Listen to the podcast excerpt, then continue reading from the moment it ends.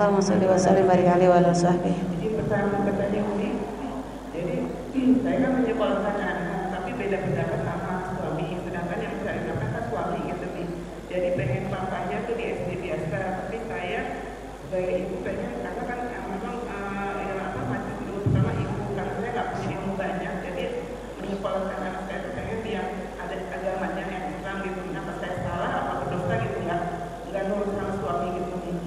Baik, masya Allah.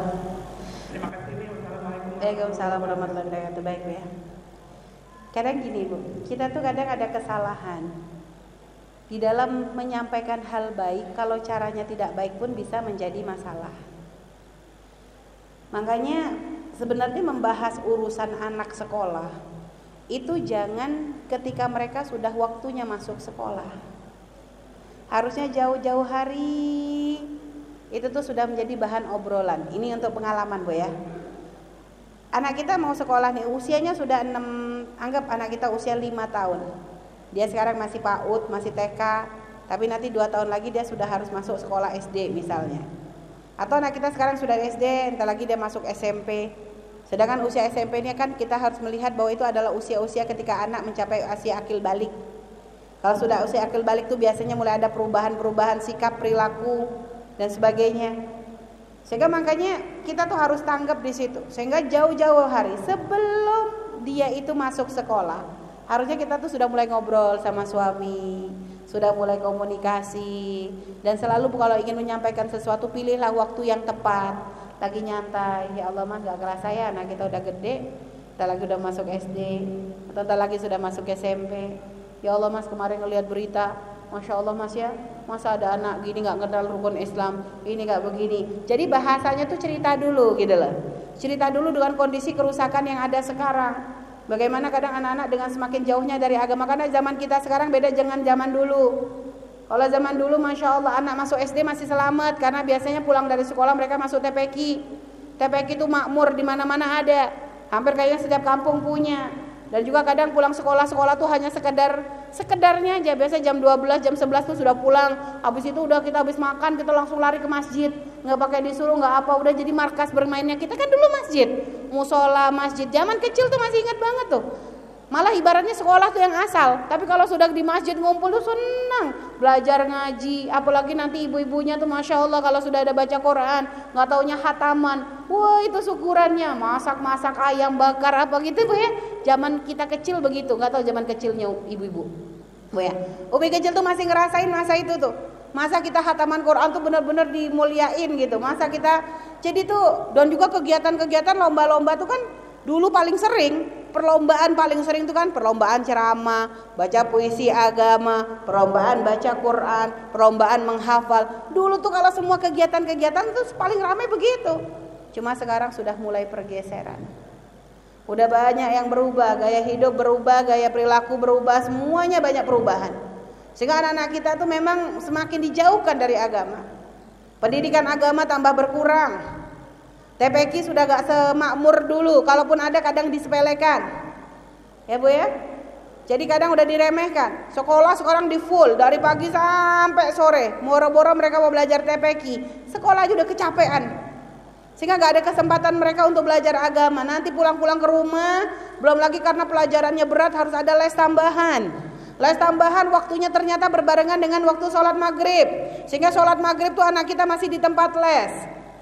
Sehingga kadang nggak tahu nih sholat maghribnya di mana juga nggak ketahuan. Pulang ke rumah udah kayak orang kalah perang, capek ngobrol sama ibunya nggak sempat, ngobrol sama bapaknya nggak sempat. Akhirnya apa? Mereka karena sudah stres dari pagi, akhirnya mulai hiburannya adalah main game, main HP, terus dekem aja di kamar, makan aja harus orang tuanya yang nganter. Udah gitu nanti udah kecapean malam, subuhnya kesiangan. Ibunya mau bangunin, aduh kegiatannya banyak sampai seharian, dibiarin lagi, masya Allah. Tuh bu, Beda banget masa sekarang tuh luar biasa. Sehingga kadang makanya terus gimana? Ya artinya ibu banyak ngobrol sama orang suami. Kalaupun misalnya ibu, ya karena ibu bagus, ke kerinduan ibu biar anak kenal agama bagus. Akan tapi mungkin suami punya alasan, coba dengerin dulu. Alasannya kenapa? Mungkin dia ngelihat, ya soalnya di situ juga memang pendidikan agama, tapi perasaan sama juga hancur, misalnya begitu.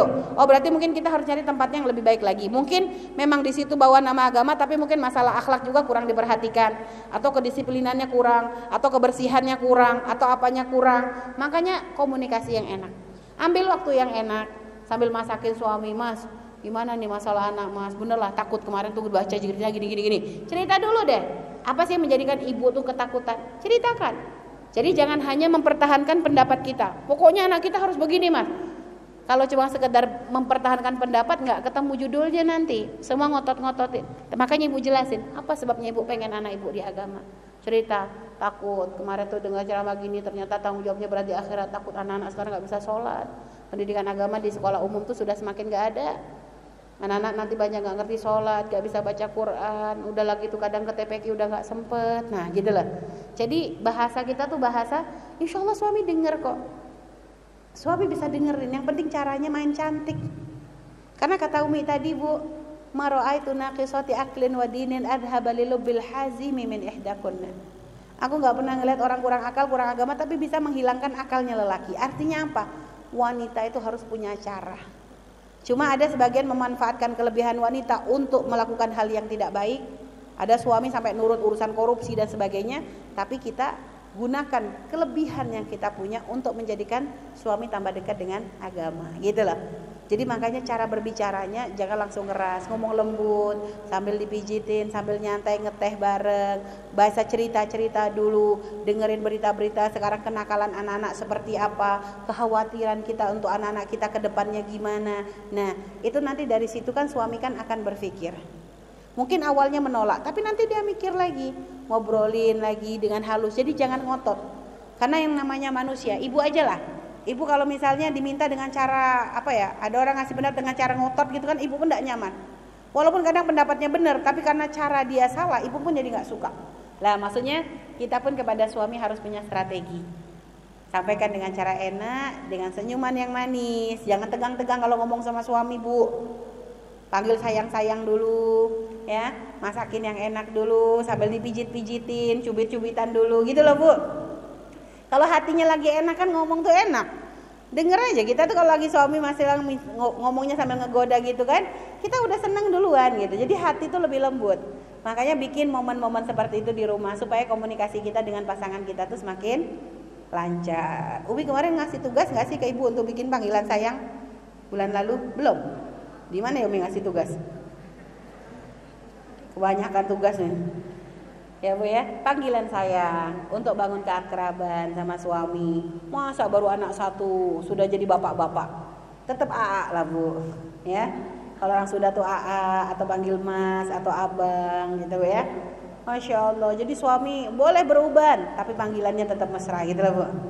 Sampai kapan pun AA sampai kapan pun mas sampai kapan pun mas. itu kan untuk bangun kemesraan dan itu tuh bu panggilan-panggilan begitu tuh melembutkan hati. Ya melembutkan hati karena kita berasa ah kayak masih pengantin baru aja gitu loh bu. Nah makanya perlu kadang membangun komunikasi itu dengan cara apa? Bikin hubungan indah dulu. Kalau sudah lagi hati seneng itu kita ngasih masukan itu lebih mudah untuk diterima. Dan itu cara strategi dalam menak menaklukkan hati suami. Wah ya, insya Allah untuk tujuan yang baik diberkahi oleh Allah. Ya. Allah alam bisawab. Baik, satu lagi tadi yang depan.